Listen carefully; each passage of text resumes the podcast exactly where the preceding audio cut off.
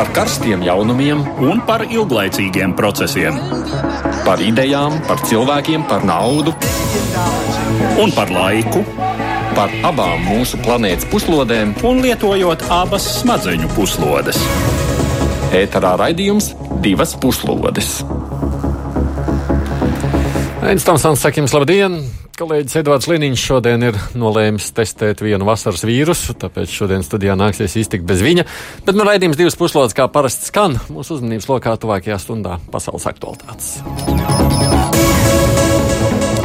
Tas, kas sākumā šķita kā joks, ir izvērties nopietnā aizvainojumā. ASV prezidents Donalds Trumps ir atcēlis sen plānoto vizīti uz Dāniju, jo tā nesot gatava viņam pārdot lielo Grenlandes salu. Kā gan vērtēt šādu negaidītu kāzusu mūsdienu rietumu politikā? Ar vien skaļāk trauksmes zvanu sit ekonomisti. Pasauli tuvākajā laikā draud ieslīgt globālā ekonomikas recesijā. Vai tiešām durvju priekšā ir jauna ekonomiskā krīze un kā tā ietekmēs ikvienu no mums? Pieminēsim arī pirms 30 gadiem Latvijā, Lietuvā un Igaunijā rīkoto Baltijas ceļu, kad gandrīz 2 miljoni cilvēku sadevās rokās cauri visām trim Baltijas valstīm. Kāda šim ceļam bija starptautiskā rezonance un arī ietekme uz Baltijas centieniem pēc brīvības? Mēs sāksim ar stāstu par Donalda Trumpa vēlmi pirkt Grenlandi. Tādēļ klausītāji, kas lieto Twitteri, vēl ir lūgti tuvākajās minūtēs, nu, atbildiet, Kā jūs, ko jūs domājat par šo ASV prezidenta ideju? Tas jautājums ir Latvijas radio viens kontā. Nu, šoreiz tiešām paši uzrakstiet īsi savu komentāru par to Twitterī. Studijā bez manis šeit ir arī Rīgas Stradiņu universitātes lektora Lēlda Mētla Rozentāla. Labdien jums! Labdien. Un arī Vidzemes augstskolas pārstāvis Jānis Kapustāns. Sveicināt! Bet mēs sākam raidījumu vispirms ar dažām citām ziņām īsumā.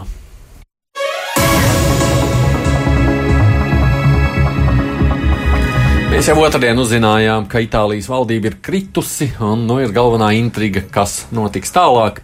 Ir sastrīdējušās abas lielās koalīcijas partijas, kurām arī iepriekš jau nebija viegli vienoties par kopēju darbu. Abas tiek dēvētas par populistiskām, bet nu, katrai savas nianses. Valdība kritusi, jo aptaujas rāda, ka tauta šobrīd vairāk atbalsta līgu, kuras līderis ir iekšlietu ministrs Mateo Salvīnī, un līga cer uz ārkārtas vēlēšanām, lai iegūtu lielāku varu. Vai vēlēšanas būs, tas gan vēl ir aktuāls jautājums. Otra partneri, piedzvaigžņu kustība, mēģinās izveidot jaunu valdību koalīcijā ar kreis centrisko demokrātisko partiju. Ja tas neizdosies, tad gan būs vēlēšanas. Līdzinājais premjerministrs asi kritizējis Salvīnī, apsūdzot viņa valdības darbu sabotāžā un savtīgumā. Eiropā savukārt raizējas, kas notiks ar budžetu. To rudenī ir jāapstiprina, lai izvairītos no dramatiskas pievienotās vērtības nodokļu paaugstināšanas, kas ir automātiski paredzēta janvārī, ja netiek veikti kādi alternatīvi pasākumi valsts parāda iegrožošanai.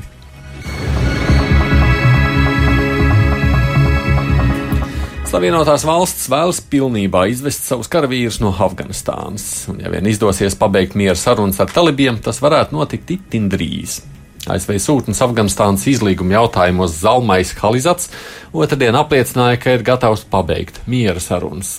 Savukārt prezidents Donalds Trumps ierakstīja Twitterī: Mēs tur esam bijuši 18 gadus, tas ir smieklīgi. Mēs risinām sarunas ar valdību, un mēs risinām sarunas ar talibiem. Mums noris labas sarunas, un redzēsim, kas notiks.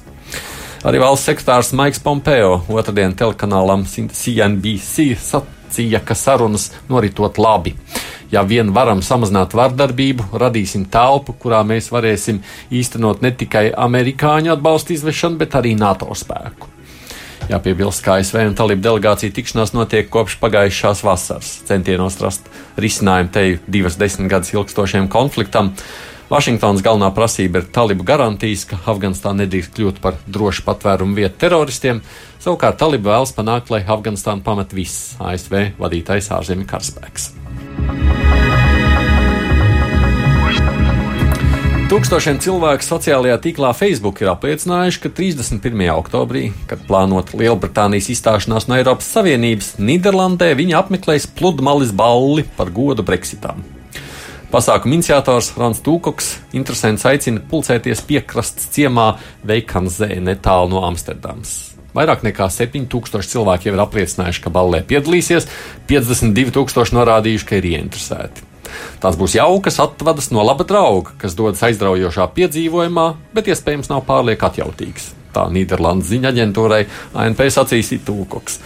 Dalībnieki varēs mieloties ar holandiešu ceptiem kartupeļiem, franču vīnu un vācu alu, noraugoties, kā Lielbritānija sevi aizslēdz ciet. Ja būs pietiekama interese, kāda mūziķa grupa varēs nospēlēt We Will Meet Again, tā pieļāva Tūkoks. Tūkoks sacīja, ka šāda balva ir dabīgs solis Nīderlandē, jo te gadsimtiem ilgi bijuši cieši kultūras, tirzniecības un politiskie sakari ar Lielbritāniju. Ja par Brexit, tad Britu premjeram Borisam Džonsonam, esot vizītē Vācijā, pirmo reizi arī skanēs pieļāvums, ka Eiropa un Lielbritānija tomēr varētu atrast kādu risinājumu robežu slēgšanai ar īriju. Kas nav tas ir galvenais iemesls, kādēļ Lielbritānija gatavojas pamest savienību bez jebkādas vienošanās. Risinājuma meklēšanai esot atvēlēts viens mēnesis. Tikmēr Britu premjerministrs ir saņēmis jaunu iedrošinājumu konsekventi īstenot Brexit. Laikraksta Daily Telegraph pasūtīta aptauja rāda, ka vairums britu dod mandātu premjeram panākt valsts izstāšanos no Eiropas Savienības ar jebkuriem līdzekļiem, arī apējot parlamentu. Aptaujā arī konstatēts, ka par 6% punktiem līdz 31% ir pieaudzis atbalsts konservatīvajai partijai, bet 27% pauduši atbalstu laboristiem. Šī aina atbilst arī citām aptaujām, kas veikts pēc Džonsona stāšanās premjeramatā. Vēl Saudārābija turpina izrādīt pretīm nākšanu sievietēm. Šonadēļ tā sāk īstenot reformu, kas ļaus viņām vismaz 21 gadu vecumā saņemt pases un doties ārzemju braucienos bez aizbildņa vīriešu atļaujas. Tā ir paziņojušas varas iestādes.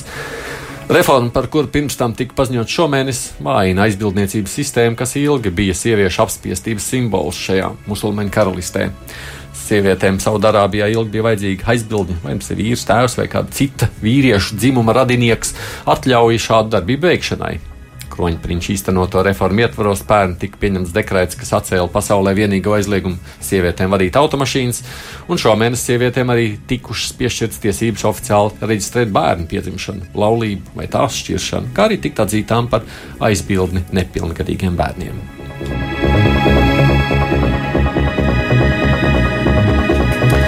Bet nu pievēršamies tagad sākumā minētajiem tematiem plašāk un sāksim vispirms ar stāstu par Grenlandi.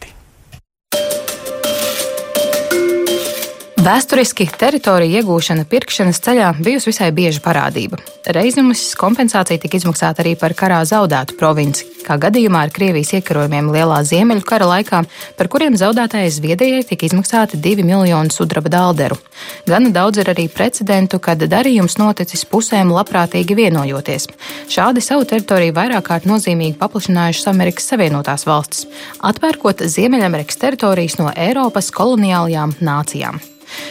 1803. gadā prezidenta Tomasa Jeffersona administrācija vienojās ar Napoleonu Franciju par 15 miljoniem zelta dolāru atpērkot Luīziānu, vairāk nekā 2 miljonus kvadrātkilometru Ziemeļamerikas vidienē. Nemazāk spilgti ir Aļaskas iegāde no Krievijas impērijas 1867. gadā, vairāk nekā pusotrs miljonus kvadrātkilometru par 7,2 miljoniem dolāru. Protams, mūsdienu vērtībā pārreikinātas šīs pirkuma summas sniedzas simtos miljārdu, taču tie vienalga ir izcili izdevīgi pirkumi, kas praktiski vienmēr skaidrojami ar to, ka pārdevēja pusē attiecīgajā vēstures momentā trūcis resursu zināmās teritorijas attīstīšanai un aizsardzībai. Lielā mērā tas attiecas uz Dāņu Vestindiju, Dānijai piedarošu Virģīnu arhipelāga daļu, kuru tā pārdeva Savienotajām valstīm 1917. gadā. Laikam jau spilgtie piemēri no Savienoto valstu teritoriālās ekspansijas vēstures iedvesmojuši prezidentu Donaldu Trumpu idejai, ka Dānija tagad varētu pārdot amerikāņiem Grenlandi. Mūsdienu starptautiskās politikas kontekstā šāds pieņēmums ir visai odios un visdrīzāk tiktu uztverts kā kārtējie Trumpa Twittera pekstiņi, ja vien prezidents nebūtu atcēlis drīzumā plānoto vizīti Kopenhāgenā, pamatojot to ar Dānijas nevēlēšanos apspriest šo andeli. Dānijas valdība paudusi neizpratni, savukārt Dāņu sabiedrībā Savienoto valstu līdera rīcība un izteikumi izraisījuši aizvainojumu. Kā aizrādījusi Dānijas premjerministre Māte Frederiksena, Grenlande nav nekāds tirgošanās objekts. Tā ir autonoma Dānijas sastāvdaļa ar savām pašnoteikšanās tiesībām. Atgādini kopā ar mums arī Lielda Metāla Rozentāla un Jānis Kapstāns.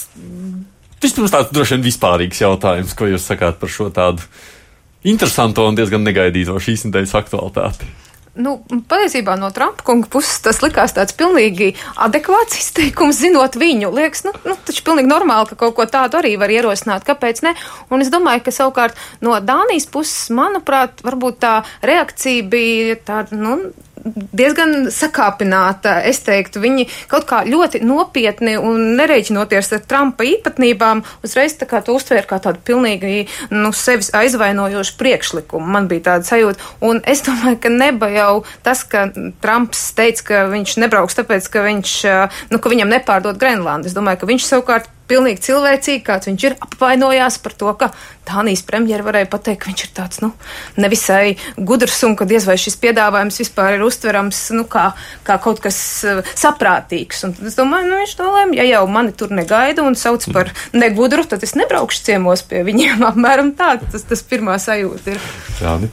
Faktiski šai situācijai mēs varētu izdalīt vairākus aspektus. Uh, tas, ka teritorijas ir pirktas un pārdotas, tas tiešām vēsturē ir noticis, bet mūsdienās tas it kā tā kā nenotiek. No nu jā, nav, tā kā no tāda nav, viedokļa šodien tas tiešām šī ziņa izskanēja kā ļoti liels pārsteigums, jo šodien mūsdienās nu tāda veida darījumi vairāk nenotiek.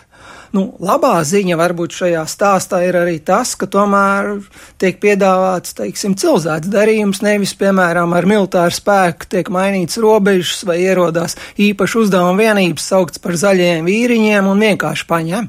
Tālāk, ja mēs skatāmies eh, uz Trumpa, teiksim, piedāvājumu, tad šeit mēs saredzam dažādas amerikāņu intereses, un tie, protams, ir Grenlandes dažādi veidi resursi, klimatam paliekot siltākam, teiksim, gāze, nafta, retie metāli. Iespējams, ka varētu nākotnē veidoties jūras ceļš, ka šeit jau mēs faktiski saredzam, ka tas tiešām ir tāds pragmātisks intereses, lai arī varbūt izskan, nu, teiksim, tā it kā neprātīgi. Un skaidrs ir arī, ka par Grenlandi interesi ir Ķīnai, kas ir piedāvājis dažādu veidu investīcijas, tā ka šeit jau iesaistās tāda kā konkurence starp ASV un Ķīnu. Un ne, ne tieši par Grenlandu, bet uh, Arktikas reģionā savas aktivitātes palielina arī Krievijas federācija. Nē, droši vien interesi jā, mēs varētu jā. būt par visiem, ko. Nu, droši vien jā. par Latviju arī kādiem Krievijai noteikti būtu interesanti piedāvāt, kam viņi varētu piedāvāt tos. Es domāju, miljārdus. ka nē, vismaz nav dzirdēts. Eh, bet kas tālāk eh, šajā visā stāstā norisinās, ir tas, nu, varētu teikt, šīs publiskās, jeb sabiedriskās attiecības, kas, manuprāt, tiek risināts ne īsti pareizi. Un tā tad. Dānijas premjerministra, kad viņi noraidīja, tad viņas publiskajā retorikā bija vārds par šo Trumpa piedāvājumu absurds. Tā kā tas tiek plaši citēts, šis nu, vārds absurds. Jā, par muļķi, vai jā. ne?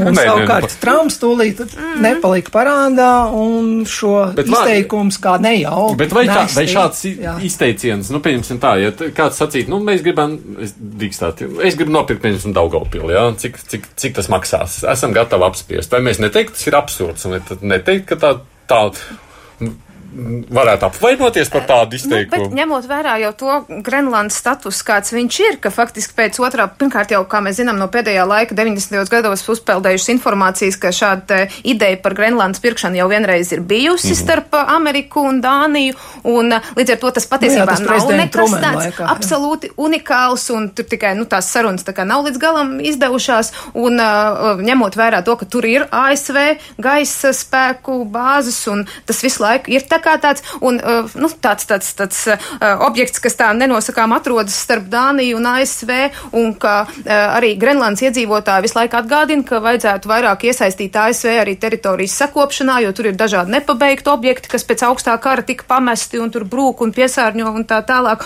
Un līdz ar to patiesībā jau, nu, tur tās abas valstis ir diezgan cieši ar šo teritoriju saistīts, un tā tomēr ir sala, un līdz ar to, nu, tas ir drusku cits nekā Daugaupils, nu, ne? Tas, tas, status. Un, un, ja varētu teikt, diplomātiskā spēle faktiski šeit vismaz publiski norisinās divos līmeņos. Tātad ASV prezidents un Dānijas premjerministrs šeit ir tas sliktais fons, un labais fons ir, ka ASV valsts sekretārs Maiks Pompeo ir sazvanījis Dānijas ārlietu ministru, un viņiem esot jau bijusi savukārt draudzīga saruna, un ASV valsts sekretārs slavējis Dāniju kā ASV sabiedroto. Ja mēs skatāmies uz Dānijas pozi pozīcijām, tad Dāņi NATO un citās militārās aktivitātēs īstenībā diezgan labi atbalsta amerikāņus. Viņi ir piedalījušies misijās Irākā, Afganistānā, tā kā tādos karstos punktos viņi ir klāt. Tā kā no tāda viedokļa amerikāņiem savus sabiedrotos nevajadzētu apvainot un trācināt. No otras puses, ja mēs uzmanīgi izlasām Trumpa šo te publisko Twitter izteicienus, tur arī tiek parādīts uh, šis te Dānijas, ja tā varētu teikt, grēks, ka Dānija nemaksā NATO budžetā šos 2%. Un, jo Dānija, kā ļoti turīga valsts, maksā tikai 1,3%. To arī Trumps ir norādījis Dānijai. Tas droši vien varētu būt diezgan pamatoti. Hmm. Nu, par jūsu sacīto, es skatos arī Twitterī, mēs teicām, lai cilvēki komentē Rudolfs Mazurs saka, šā, es gan nezinu, vai Dānija vispār var to teritoriju pārdot, ņemot vērā, ka tā laika gaitā ir tikai palielinājusi sev neatkarību no Dānijas un nav pat Eiropas Savienībā. Ir taisnība, ka Grenlandē ir tāds uh, interesants uh, gadījums, ka laikam 1982. gadā šī sala oficiāli izstājās no Eiropas Savienības. Tātad Dānija ir Eiropas Savienībā, bet Grenlanda arī oficiāli nav Eiropas Savienības sastāvā. Un taisnība, ka Grenlanda ir nu, lielā mērā uz tādu kā neatkarīgu pastāvēšanu vērsta. Nu jā, bet, nu, teiksim, pasaules politiskajā kartē ir vēl virkni tādas salas, piemēram, Sardīnijas sala Itālijā, kurai arī ir nosacīta daudz lielāka, nu, teiksim, un atšķirīga pārvalda nekā, nekā paša šai te, um, Itālijas kontinentālajai daļai. Un uh, tāpēc šādi te precedenti ir, tas nav nekas unikāls, bet es domāju, ka interesanti ir arī tas, ka um, pie varas um, esmu patreiz uh, opozīcijā esošās partijas viens no pārstāvjiem bija teicis, ka vispār jau tāda ideja par ciešāku sadarbību un kaut kādu, nu, varbūt arī ekonomisko komunikāciju vairāk ar Ameriku pašai Grenlandē nemaz neliekas tik slikta. Nu, gluži nevajadzētu tā kā viņus pārdot, bet ka patiesībā jau kaut ko varētu šai virzienā domāt. Un tad es domāju, ir interesanti tas, ka Dānija, nu, kā vairāk asāk norēģēja nekā pati Grenlanda, kā, un viņas šie pārvaldes pārstāvi, nu, kā um, tur, tur, es domāju, ka, protams, ka tā ir arī liela spēle ar Krieviju, te arī jau ir jā, un um, šāds te izteikums un tā varbūtība, ka Grenlanda varētu hipotētiski nonākt Amerikas rokās, protams, ir atkal kaut kāds signāls, uh, nu, par, par ASV varenību uzmanības pieauguma attiecībā pret, pret, pret Krieviju militārajā jomā. Nu, kā, es domāju, ka tur tiek spēlēts eh, daudzos virzienos. Un vēl mums jāņem vērā, ka Grenlandē tomēr Tātad teritoriāli viņi ir ļoti liela salā, bet iedzīvotāji salīdzinoši ir ļoti mm -hmm. maz, un Grenlanda tāpēc ļoti lielā mērā ir atkarīga no Dānijas valdības subsīdijām. Mm -hmm. Un tagad Trumps piedāvājot nopirkt šo salu, būtībā piedāvā, ka tagad jā, amerikāņi varētu labu žestu piedāvā šobrīd. Jā, jā, jo viņš teica, ka uh, apmēram šobrīd uh, Grenlanda izmaksājot 700 miljonus uh, dolāru gadā, eiro, eiro gadā mm, Dānijai. Un viņš piedāvāja tos ikgadējos ikgadējos tā tādus līzinga maksājumus 600 tūkstoši dolāru, plus, plus vēl to vienreizējo summu, ko viņi tā arī nu, pagaidām neprecizēja. Tā kā līdz ar to viņi tur tā apmēram rēķinājuši, lai izlīdzinātu. Bet, bet ņemsim arī vērā tomēr no katras valsts uh, pastāvēšanas viedokļa, un tas tomēr būtu milzīgs apvainojums, ka mēs daļu savas teritorijas pārdodam valsts suverenitāte pēc definīcijas skaitās, nu, kad valsts teritorija ir neaizskarama. Ideālā variantā, vai ne? Un, nu, ja vien viss ir normāli, tad robežas netiek mainītas. Un, nu, jo, jo, jo es pieļauju, nu, es arī te ir daži komentāri tā, vai tikai Trumps nav saķēris kādu kriminālu vīrusu no drauga pūļa. Interesanti paskatīties, vai ne? Jā, nu te tādas mazliet izskatās, ka situācija tik absurda rakstīja Mazurkungs, ka nav jēgas vispār piedāvāt aptauju ar atbilžu variantiem. Tas uz mums, nu, no cilvēciskā viedokļa tas liekas ļoti jocīgi, vai ne? Šajos laikos 21. gadsimtā mēģināt nopirkt kādu Nu, komiski, jā, protams, teritoriju. ka tas liekas komiski, bet, bet tiešām paskatoties, nu, vēsturiski, tu saproti, ka tas ir viens no risinājuma veidiem, bet, nu, it kā liekas, ka šobrīd, nu, ņemot vērā, ka viņa nav arī neapdzīvota, ka tur tomēr ir cilvēki, iedzīvotāji, nu, viss tad, tad tas tā liekas, nu, mēs nepārdodam kaut kādu vienu ledus gabalu, kur, nu, labi, vienalga, kuram tas ledus gabals pieder, bet tomēr tur ir arī šī te cilvēciskā puse, ka, nu, iedzīvotāji, kas sevi identificē ar dāņiem vai ar tie, nu, teiksim, šīs teritorijas pirmie dzīvotājiem, pēkšņi no nonāks nu, amerikāņu statusā. Un, ne, kā, nu, tas, tas ir tā nedaudz. Bet, protams, ka, ja mēs tā kā tālāk paskatāmies, tas, ka um, Trumps atcēla šo savu vizīti Dānijā. Tā, protams, ir nedaudz uzskatām tomēr, kā arī Andres Folks Rasmusens teica, ka tomēr nedaudz tā ir Dānijas nu, tāda diplomātiskā neveiksme. Jo, nu, nu, ir, jā. jā, jo tomēr nu, nav jau tā, ka Trumps tā, nu, apmēram šodien neaizbrauc, aizbrauks nākamnedēļ. Nu, tas ir ASV prezidents, un tur uh, varēja, protams, ne, jautājums ir par to, ja viņš tiešām bija nopietni nolēms, ka viņš šo vizīti visu veltīs uh, retorikai par Grenlandes pirkšanu, nu, tad, protams, tad, tad tas ir bezjēdzīgi. Nu, tad tur nekas arī nebūtu sanācis. Bet viņi saka, nu, tā kā pastāv iespēja, ka tur varēja būt arī daudz daudzi citi, daudz konstruktīvāki diskusiju objekti, tad varbūt, ka nu, nevajadzēja tik asi Trumpam atbildēt, bet teikt, ka nu, varbūt ka šis jautājums nav dienas kārtībā, ka nu, kaut ko tā maigāk. Nu, tas izklausās lai, pēc tā, nu, zin, kā tāds.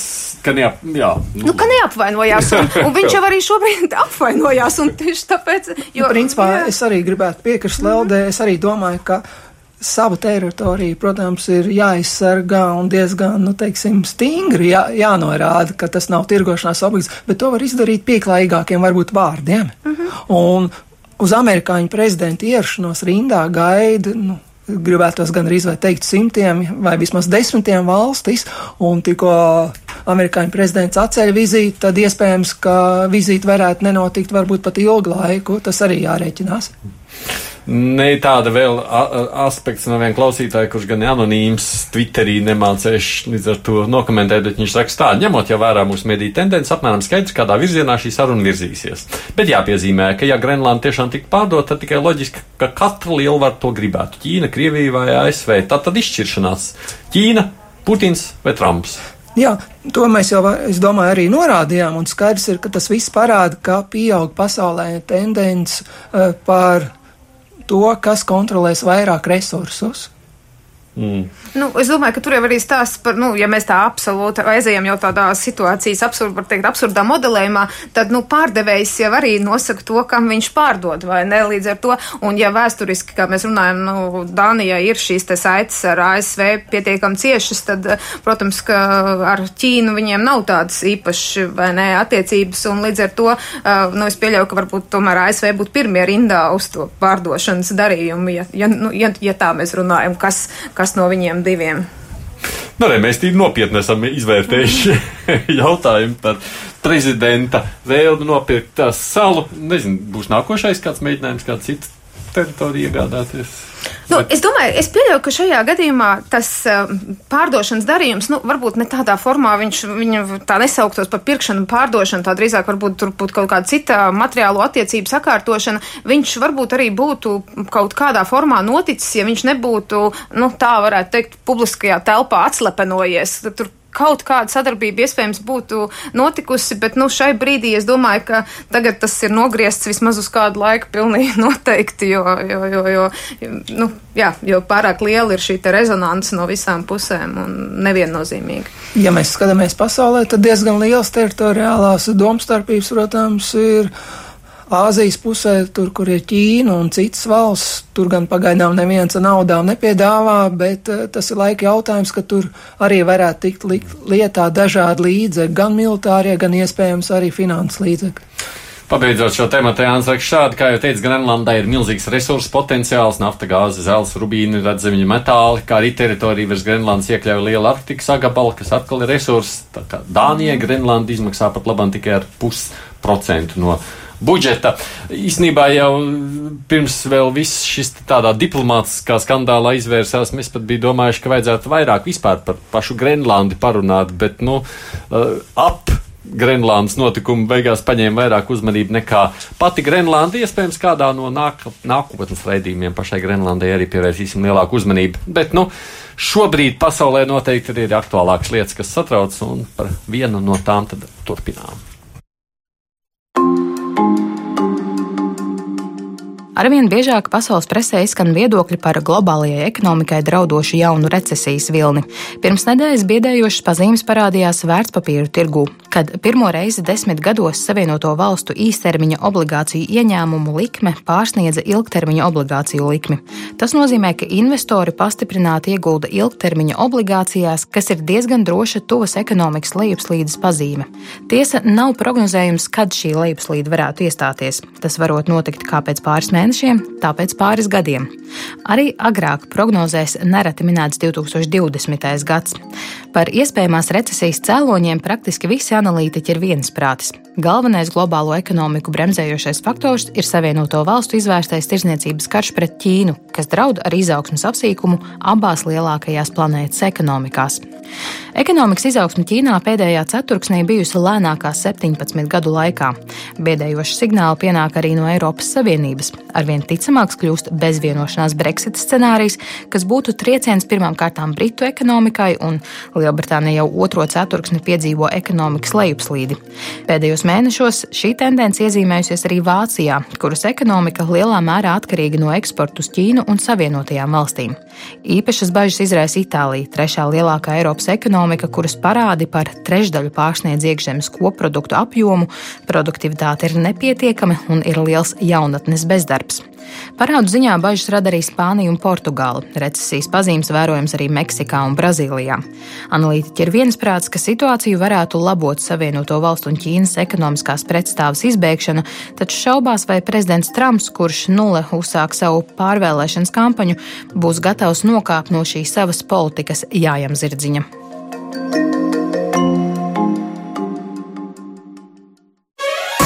Divas puslodes.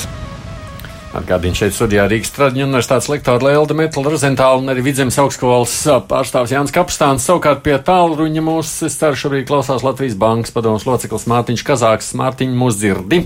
Jā, labdien! Sveicināti! Uh, Ko mums reāli nozīmē šīs ziņas par iespējamo globālo ekonomikas recesiju? Būs tāda patiešām? Nu, vasara ir beigusies, jā, bet tas nebūtu nenozīmē, ka tūlīt būs ziema. Ja?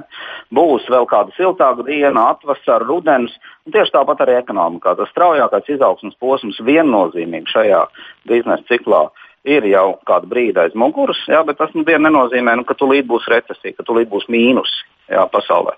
Uh, lai gan lēnāk ekonomika joprojām aug, diemžēl no nu, atsevišķos gadījumos tā nevienmērīgāk, tā kā pa ciņiem, jā, bet tā pašā laikā.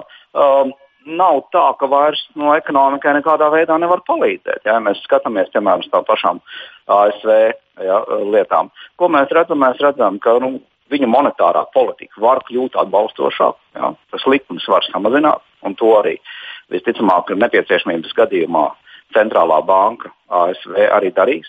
Tieši tāpat viens no galvenajiem bāžu iemesliem, kas to ekonomikas noskaņojumu, līdz ar to ekonomika zināmā mērā ir bremzējis, pēdējā laikā ir šie tirsniecības kāri. Ja.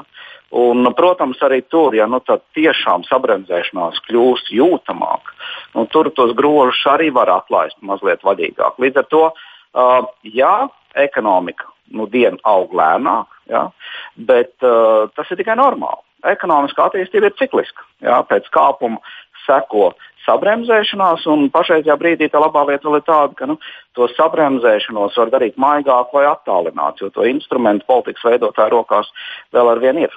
Ja vien viņi grib lietot. Savukārt, runājot par nu, tādu reālo situāciju, kāda ir, cik tas tādu ikdienas cilvēku skartu? Uh, Protams, nu, ja ekonomika neaug vai ir kaut kāda neliela mīnusa, nu, tad darba tirgus to jūt diezgan naski. Ja? Uh, bet, uh, ja mēs skatāmies uz Latvijas situāciju, ja, tad nu, dienu pašreizējo situāciju nevajag salīdzināt ar to, ko mēs redzējām iepriekšējā reizē.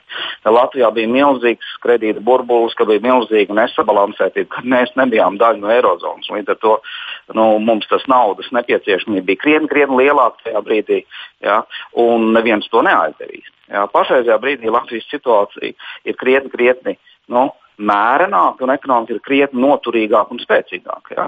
Bet, protams, tajā brīdī, ja pasaulē parādīsies kāda mīnus, ņemot vērā, ka mēs esam maza, atvērta uz eksportu balstīta ekonomika, to ātri jutīsim arī mēs. Ja? Un to jau mēs pašlaik redzam atsevišķās nozarēs, piemēram, arī atsevišķos segmentos, kokapstrādē, ja? kur šis pieprasījums ir kļuvis vājāks. Bet uh, ņemot vērā, nu, ka tas kritiens nav tik liels, arī mēs neredzēsim nekādas tādas dramatiskas lietas kā iepriekš. Bet iedzīvotājiem ar ko jārēķinās, nu, ka tādā situācijā auga kāpums visticamāk diezgan strauji apstātos. Ja. Mm -hmm. Bet uh, atsevišķos segmentos varbūt nedaudz augtu uh, bezdarbs. Bet ņemot vērā, ka tā krīze Latvijā nu, tiešām nav pašu veidota Ja? Tas nesabalansētības nav tik liels, un tas bezdarba kāpums nu, nebūs dramatisks. Ja? Un, ņemot vērā tas demografiskās tendences, uzņēmēji jau saprot, ja viņš atlaidīs to darbinieku šodien, kur pēc tam viņš viņu atradīs. Ja? Līdz ar to tas ticamākais scenārijs vairāk nevis nu, tāds uh, strauji sitiens par nodarbinātību, bet vairāk, nu, piemēram, algas kādu brīdi neceļ. Jā. Jo pēdējos gados mēs esam redzējuši, tiešām tas algu kāpums ir diezgan, diezgan asks. Mm. Paldies, es saku Mārtiņam. Mārtiņš Kazāks mums iezīmē, Latvijas Bankas padomus loceklis iezīmē to nu, tādu skatu no ekonomikas skatu punkta. Pieminot šeit mums, ka nu, pasaules līmenī tiem uh, sviras, ar ko darboties politiķiem, ir. Tajā pašā laikā mēs redzam, nu, ka tās sviras līdz šim tā īpaši darbināts netiek. Brexits iet savu gaitu un izskatās ar vien tā drošāku stūrgalvīgi. Itālijā tikai valdība krīt ar budžetu lielāku neskaidrību. Ķīnas, ASV šis tirdzniecības karš neizskatās, ka šobrīd grasās tā kā apstāties. Vai tas nozīmē, ka, nezinu, politiķis tas neraizē no jūsu skatu punkta, kāds izskatās? Nu, es domāju, ka viņus raizē, bet jebkurā gadījumā ekonomika, nu, tas ir viss, tikai, tas ir tikai viens segments lielajā politiskajā spēlē, kas sastāv, nu, puzlē no daudziem elementiem. Un līdz ar to, kamēr, nu, ekonomikā tā situācija nebūs jau tāda, ka uz ekonomisti teiks, nu, ka stop tūlīt tiešām draud jau krīze, tagad ir tas kritiskais punkts, kur, piemēram, ASV un Ķīnai ir jābeidz spēlēt savas politiskās spēles un jānorauj rokas bremzes un tagad varbūt jāapstājas, tad eh, līdz tam momentam jau es domāju, ka politiķi nu, to ekonomiku neuztver ka, nu, ka šobrīd ir kaut kas tik kritisks, lai viņi tā uzreiz tās savas politiskās manipulācijas, piemēram, apturētu. Mm. Vai, piemēram, nu, domājam, ka tūlīt Lielbritānijas ekonomika sabruks un tāpēc atceļam Brexit. Nu, nav jau tādas indikācijas, ka Lielbritānija tāpēc sabruks un tāpēc tas nav nu, tā arguments, lai mēs apturētu. Vai, piemēram, Itālijas valdības tagadējā krīze, nu, viņi saprot, ka tur plus mīnus noteikti tas kaut kā atsauksies uz ekonomiku, bet nu, diez vai tā, ka tur Itālijā iestās iestāsies maksāt nespēju. Un līdz ar to, kamēr tas nav līdz tādai nu, radikālai robežai šī ekonomiskais jautājums sakāpinājies jau, nu, tomēr politiķi tomēr to, nu, tā kā, jā. Nu, kas nozīmē, ka tā paša politiskās intereses ir svarīgākas tajā brīdī par to, kas tur notiks ar naudu vai finansēm. Es teiktu, ka, ka varbūt tik vienkāršo tomēr nē, tad drīzāk jautājums ir, uz ko vairāk vērst uzmanību uz brīvotirzniecību vai protekcionismu. Un Trumps ir deklarējis, ka viņš vairāk aizsargās savus valsts ražotājus, piemēram, autoražotājus un citus. Un, un šeit viņam ir zināmā mērā loģika no viņa pozīcijām skatoties tādā ziņā, ka ASV ir skaitliski liels tirgus, tātad 300 miljoni iedzīvotāji, turīgi, salīdzinoši uz pasaules fona, un tāpēc uh, viņiem ir vērts aizsargāt savu savu industriju pret, eh, teiksim, konkurentiem no pārējās pasaules, kur ir tiek ražot lētāki, ķīnieši un citi un, teiksim, veicināt uh, vietējam tirgam. Tas nav tā, ka viņš būtu piespītējies un rauj tagad visu pasauli savu līdzi. Šeit ir savu veidu apsvērumi. Nu jā, protams, bet no otras puses ir tā, ka patiesībā jau gan Eiropas Savienība, gan nu, dažādas starptautiskās organizācijas balstās uz to, ka mēs tā kā bišķiņ tās savas intereses atstājam otrā plānā un atrodam tās kopējās intereses. Un ja mēs tagad atkal katrs iesim uz savu pilnīgu protekcionismu, nu, tā, nu faktiski jau tieši to dara arī Lielbritānija. Lielbritānija ar Brexit, kas saka, ka mums, mēs esam paši sev svarīgāki, un tad mēs Bet tas ir tāds, tagad tāds kā laikmets ir iestājies, am, Trumps mm -hmm. nāca ar sauklu Amerika vispirms, mm -hmm. vai ne?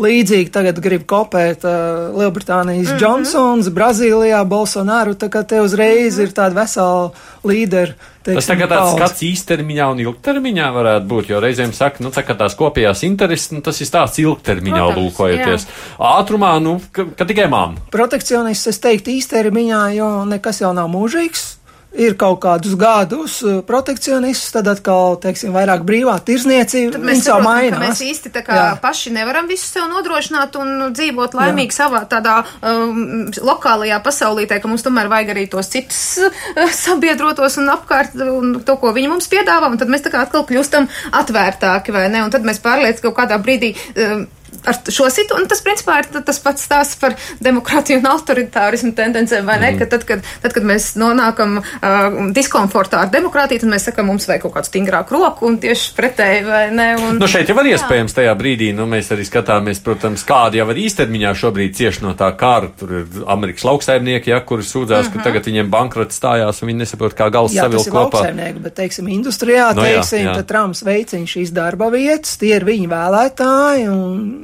Nu, lauksaimnieki arī, jā. saprot, dažos štatos ir tie viņi lielie vēlētāji, kas nozīmē, ka, nu, politika nosaka tas, Bet nu, kur vairāk lauksaimniecības sektors jā, nav jā, tik. Kur ir vairāk atbalstītāji, kur ir, jā, viss matemātika. Tieši tā, tieši tā. Jā, es domāju, apmēram ir izskaitļot, uz kuriem vairāk var balstīties, un tādā veidā arī tiek risināts vismaz tuvākajos gados, viņš saredz izdevīgumu.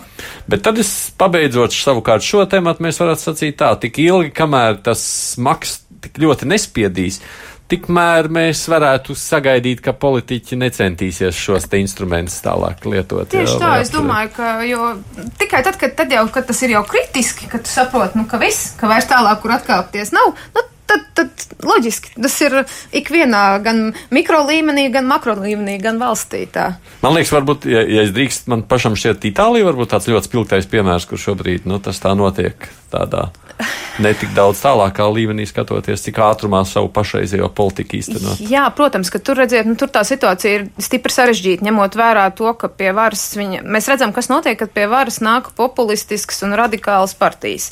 Un uh, tad um, faktiski katrs mēģina uh, īstenot tos savus pietiekami ap, nu, tādus. Uh, nevar teikt absurdos, bet, nu, pietiekami radikālos solījumus, ko viņš ir devis saviem vēlētājiem. Katrs vēl to deķīt uz savu pusi. Uh, teiksim, šīs te divas vadošās itāļu partijas, tā bija pieczvaigžņu partija un līga, un uh, viena bija solījuši, ka neļaus ne, imigrantiem ienākt Itālijā vairāk, ko arī uh, iekšlieta ministrs sekmīgi izdarīja, neraugoties to, ka premjeras teica, ka tā nevar, ka Eiropas Savienībā ir vienošanās un ka visi kaut kā savā starpā to sadala šos te bēgļus, un, nu, rezultātā, jā, tas noved tagad pie uh, valdības krišanas, jo vienkārši nav jau iespējams darboties, ja katrs darbojas kā tāda autonoma vienība. Nu, ka katrs politiķis, katrs. Nu, katrs domā par sevi jā, vairāk. Katrs domā absolūti par sevi ministru kabinetā, un katrs, neklausoties to, ko saka premjeras, vienkārši autonomi rīkojas. Bet tauta ļaujas. Jā.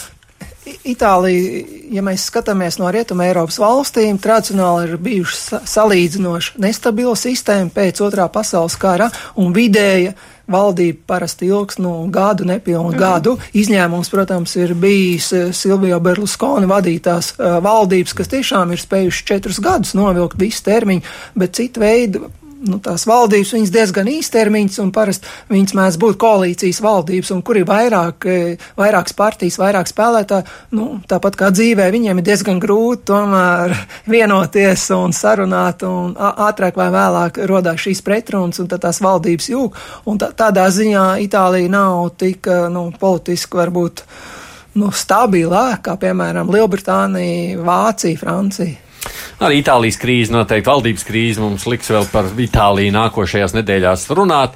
Bet mēs raidījuma beigās vēl gribam runāt par vienu atsevišķu lietu un par kaut ko, ko šajās dienās daudz piemin visā Baltijā. Baltijas ceļa akcijas ideja esot radusies vienam no toreizējās Igaunijas tautas frontes līderiem Edgaram Savisāram. To ātri uztvēruši arī Rīgā un Viļņā, un 1989. gada 23. augustā Hitlera Staļina pakta 50. gada dienā cilvēku ķēde savienoja trīs Baltijas galvaspilsētas. Ziņas par dalībnieku skaitu nav precīzas, taču lēš, ka akcijā varētu būt piedalījušies pat divi miljoni baltiešu.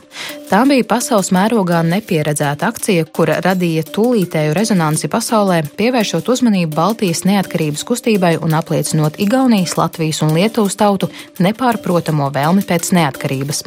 Pasaules līderi, kā Savienoto valstu prezidents Džordžs Bušs vecākais un Vācijas kanclers Helmuts Kols, pauda atbalstu un aicināja PSRS vadību rast mierīgus risinājumus.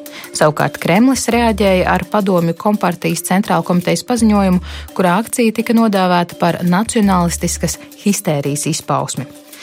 Bija skaidrs, ka vienoties ar Baltijas tautas kustībām par kādu apcirptas suverenitātes variantu neizdosies, un paturēt padomju varas sfērā tās varētu tikai ar bruņotu spēku un apspiešanas akcijām.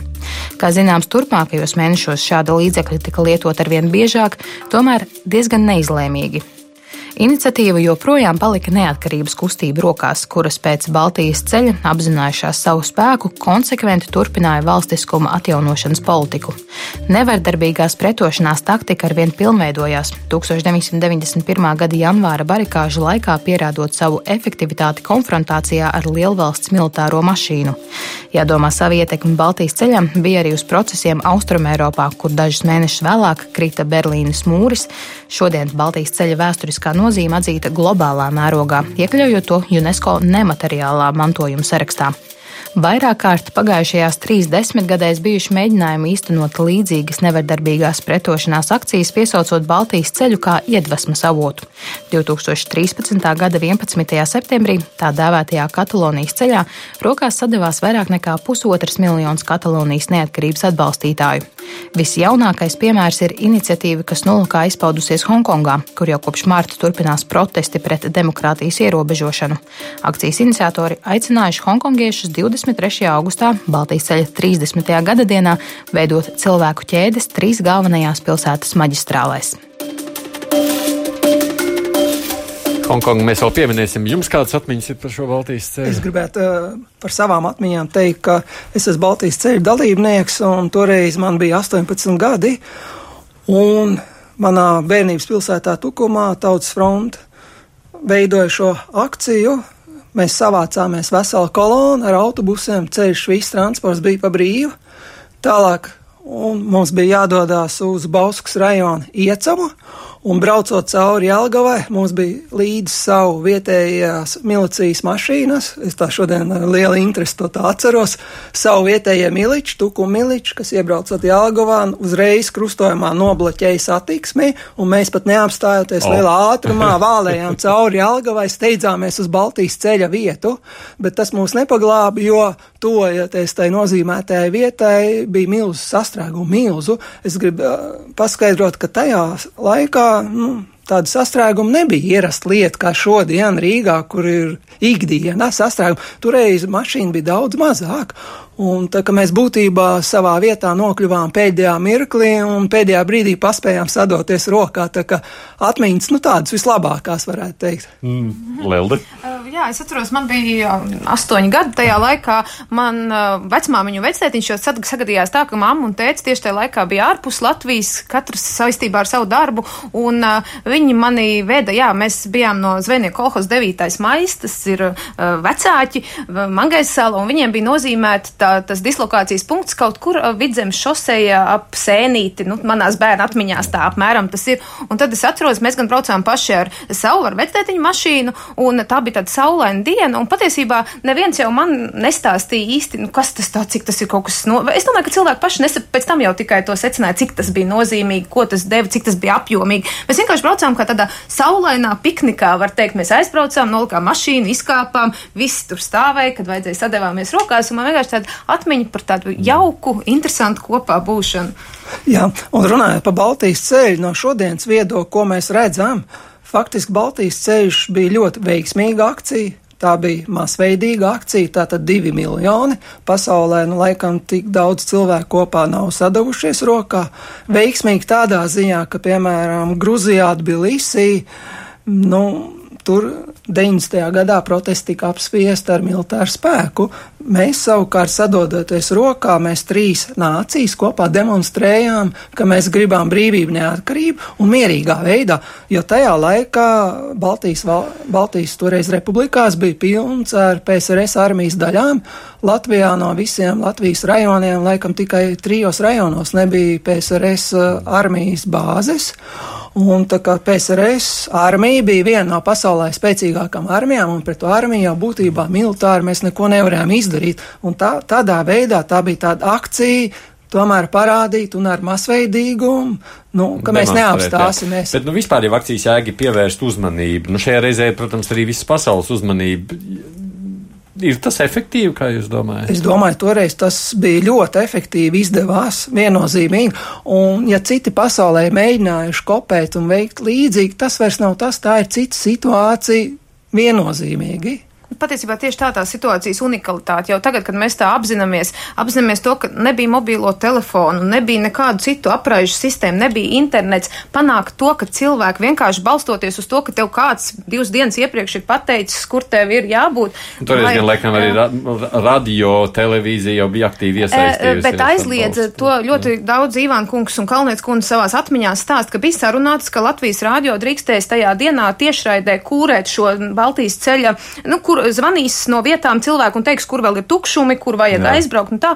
Un pēdējā brīdī aizliedz un pateica, ka radio tiešraidi būs iespējama tikai uz tām 15 minūtēm, kad jau notiek pats Baltijas ceļš. Un Kalnietis kundze to ļoti spilgt viņa stāst, ka nu, viņa mm, domāja, ka tas viss izgāzīsies. Viņa izgāja no savas tās um, part, vietas, kur viņa visu to organizēja un uh, iesēdās mašīnā un vienkārši arī brauc, ja nekļūdos uz Bauskas pusi. Viņa teica, viņa arī iekļuva milzīgā sastrēgumā, attapās kaut kur piespiesta pie vienas lopu mašīnas, kurā uh, govs iekšā māva, un domāja, ka viss ir izgāzies. Un tikai vakarā, kad zvanīja no uh, pārējā, nu, teiksim, no, no, gan no Lietuvas, gan no Igaunijas, gan no Latvijas uh, dažādām nodaļām šie te kuratori un teica, ka ir, ir, ir tas noticis, ir bijis. Viņi teica, te brīdī tikai saprat, ka tas ir izdevies. No, redz, mēs redzam, šobrīd tās atskaņas jau ir bijušas. Te pieminēja Kataloniju, tagad šo pieminēto Hongkongu. Mēs esam sazvanījuši šobrīd Rīgas Traģiņu universitātes Ķīnas studiju centra vadītāju un Aleksandru Bērziņš arī Kovu mūs dzird. Halo! Sveicināti! Labdien! Sakiet, uh, ko jūs sakāt par Hongkongas mēģinājumiem tagad uh, arī pieminot Baltiju šajā pašā dienā kaut ko līdzīgu izdarīt Hongkongā? Man ir divpusējas izjūtas, pretrunīgas. No vienas puses, protams, Baltijai tas, ka šis mūsu mantojums, nevardarbīgās pretošanās kustība, kura vainagojas ar panākumiem citu starpā, tas, ka tas tiek pieminēts un tas, ka tas iekļūst pasaules virsrakstos, tas ir burvīgi, tas ir pareizi. No otras puses, es gribētu pieķerties tam nevardarbīgās pretošanās konceptam, kurš izskanēja arī no, no, no kolēģu mutes šeit. Uh, man šķiet, ka šeit līdzības mm, varbūt ar to arī beidzās, jo atcerēsimies, kurā datumā uh, Baltijas ceļš uh, tika organizēts un, un, un kam, kam par piemiņu, lai pats pievērst arī pasaules uzmanību uh, Molotov-Ribbentrop paktu slepnējai uh, daļai, ja tātad ietekmes sfēru dalīšanai. Es esmu pārliecināta, ka jūs to jau laikam arī apspriedāt. Es, diemžēl par vēlu jums pievienojos, tāpēc atvainojiet, ja atkārtoju šo to, ko kolēģi jau ir teikuši. Un, uh, kas pati par sevi ir briesmīga lieta. Um, tātad šis uh, Baltijas ceļš bija ļoti simboliski uh, saistīts ar to. Tad bija, bija, uh, šis sūtījums bija pievērsts uzmanību Molotov-Ribbentrop paktam arī citu starpā. Uh, Hongkongā tas uh, vairāk izklausās pēc uh, nu, vairāk kā PR pasākums. Tāpēc no vienas puses uh, es uzskatu, ka tas ir ļoti mm, interesanti un, un, un labi, un tas ir noteikti cilvēcīgi. No otras puses, līdzības šeit meklēt būtu grūti. Mm. Uh, nu, vēl viens tikai papildus jautājums. Parasti jau mēģina šādā veidā jebkuru tādu akciju pievērst nu, ne tikai vēsturiskam notikumam skatu, bet ietekmēt to politiku, pret kuru jau tiek protestēts. Tur ir iespējas kaut ko tādu Hongkongā arī izdarīt. Uh, es domāju, ka ar šādu akciju uh, Hongkongas uh, nu, iedzīvotājiem diez vai izdosies ietekmēt um, situācijas iznākumu, bet viņiem, viņiem izdosies parādīt tieši šo pretošanās nevardarbīgo pusi. Ja? Viņi parādīs savas sejas, viņi parādīs to, ka viņi ir sadušies rokās, viņi parādīs savu solidaritāti, un tas noteikti ir daudz labāks vēstījums pasaulē nekā kādas nekārtības vai, vai prači. Mm, paldies, un Aleksandra Bērziņa. Ceru, viņiem izdosies, un, uh, un ka šis pasākums paies. Paies, jā. Bērziņa Šerenko, Rīgas Stradiņu universitātes Ķīnas studiju centra vadītāji. Nu, ir tā, ka tā ir tāda miermīlīgas attieksmes demonstrēšana. Gan miermīlīgas attieksmes, gan arī apņēmība, ka iet uz priekšu, jo šis Baltijas ceļš bija viens no tādiem augstākajiem punktiem, un pēc tam jau sekoja paša neatkarības deklarācija pieņemšana, pasludināšana 90. gada pavasarī. Un 91. gadā jau barikāžu laiks, un tas deva tādu kā spēku pārliecību, ka mēs kopā esam daudz un mēs varam, ka vairs nav jābaidās. Nu jā, es domāju, arī tomēr stāsts, ja tā mēs salīdzinām šo te mm, Hongkongu un Latviju, tad, eh, teiksim, tas, tas pirmais, ko, vismaz tā informācija, kas bija masu mēdījos, par ko viņi runāja, bija 32 km, un zinot, ka Hongkongā ir 7 miljoni iedzīvotāji un 32 km ķēde, un Latvijā atceroties, cik, eh, teiksim, mēs bijām, un mums bija vairāk, gandrīz 700 km tā ķēde, tad, protams, ka, nu, mēs saprotam, jā, iespējams, ka mēs varam runāt par to, ka nu, Latvija, Lietuva, Igaunija pievērs tieši ar to, ka faktiski vairāk kā ceturtā daļa no visiem Baltijas valstu iedzīvotājiem sastājās šai roku rokā šī te masveidība, tas spēks, cik mēs visi esam vienot. Jo arī paskatoties uz Kataloniju, arī tur pierādījās, ka tomēr, lai kā cilvēki gribētu šo neatkarību, viņi nav gatavi iziet un iesaistīties vienā šajā milzu akcijā, ka tur arī nu, tik liela tā atsaucība nebija. Es domāju, ka Nē. nu, te ir tas, ka tomēr tā, varbūt arī tie apstākļi, ka mēs bijām tik ilgi cietuši, tik tomēr tas pilnīgi cits režīms bija, nekā mēs tagad salīdzinām. Un šos, šeit varbūt ir arī dažas jā. atšķirības ar Kataloniju un Hongkongu. Ar Kataloniju atšķirība ir tā, ka tomēr katalāņi nu, tā tad nosacīta puse, tā kā gribētu neatkarību, bet puse un, negrib. Tā, un tāpēc viņiem, nu, viņiem mēs nevaram stingri pateikt, ka viņi tiešām grib to neatkarību. Nu, tā mm. nav. A? Un par Hongkongas gadījumu, nu, tas varbūt nebija tieši Hongkongā, bet Pekinā 1989. gads arī studenti masveidā protestēja, pieprasīja demokrātiju, bet toreiz tas nepalīdzēja un viņus apspieda. Jā. Nu, jebkurā gadījumā vienīgais interesantais fakts, ka tāds 89. gads un Latvijas, Baltijas, Latvijas, Lietuvas, Igaunijas šī reakcija tā ir iedvesmojusi. Tā iedvesmoja, un tas tiešām arī, arī kaut kur Kataloniju, te... bet arī Hongkongu, nu, iedvesmojuši citas pasaules. Un tas veicināja arī šos te mūsu neatkarības procesus. Jā. Nu, jā, un, nē, nu, patiesībā mēs jau ar to varam būt lepni, ka mēs, kā viņš ir iekļauts tādā UNESCO, UNESCO pasaules jā, jā. atmiņu. Un vēl mēs varam teikt, ka, ka tas bija ļoti veiksmīgs pasākums, jo ir ir jau pasaulē arī neveiksmīgi pasākumi. Gan jā, mēs arī par šo tematu turpināsim rīt krustpunktā, kad būs uh, savukārt mums raidīšana no Valmieras, arī runāsim par Baltijas ceļu. Bet šobrīd saku paldies jums. Paldies. Studijā Vidzemes augstskolas lektors Jānis Kapustāns un Stradiņa universitātes lektora Lielda Metla Rozentāla. Tāpēc, kad nācāt producēji, ja Zeiza studijā bija arī Aits Tomsons, sakim, uz sadzirdēšanos nākamreiz, kad lūkosim, kas jauns atkal ir noticis abās mūsu zemeslodes puslodēs divas puslodes.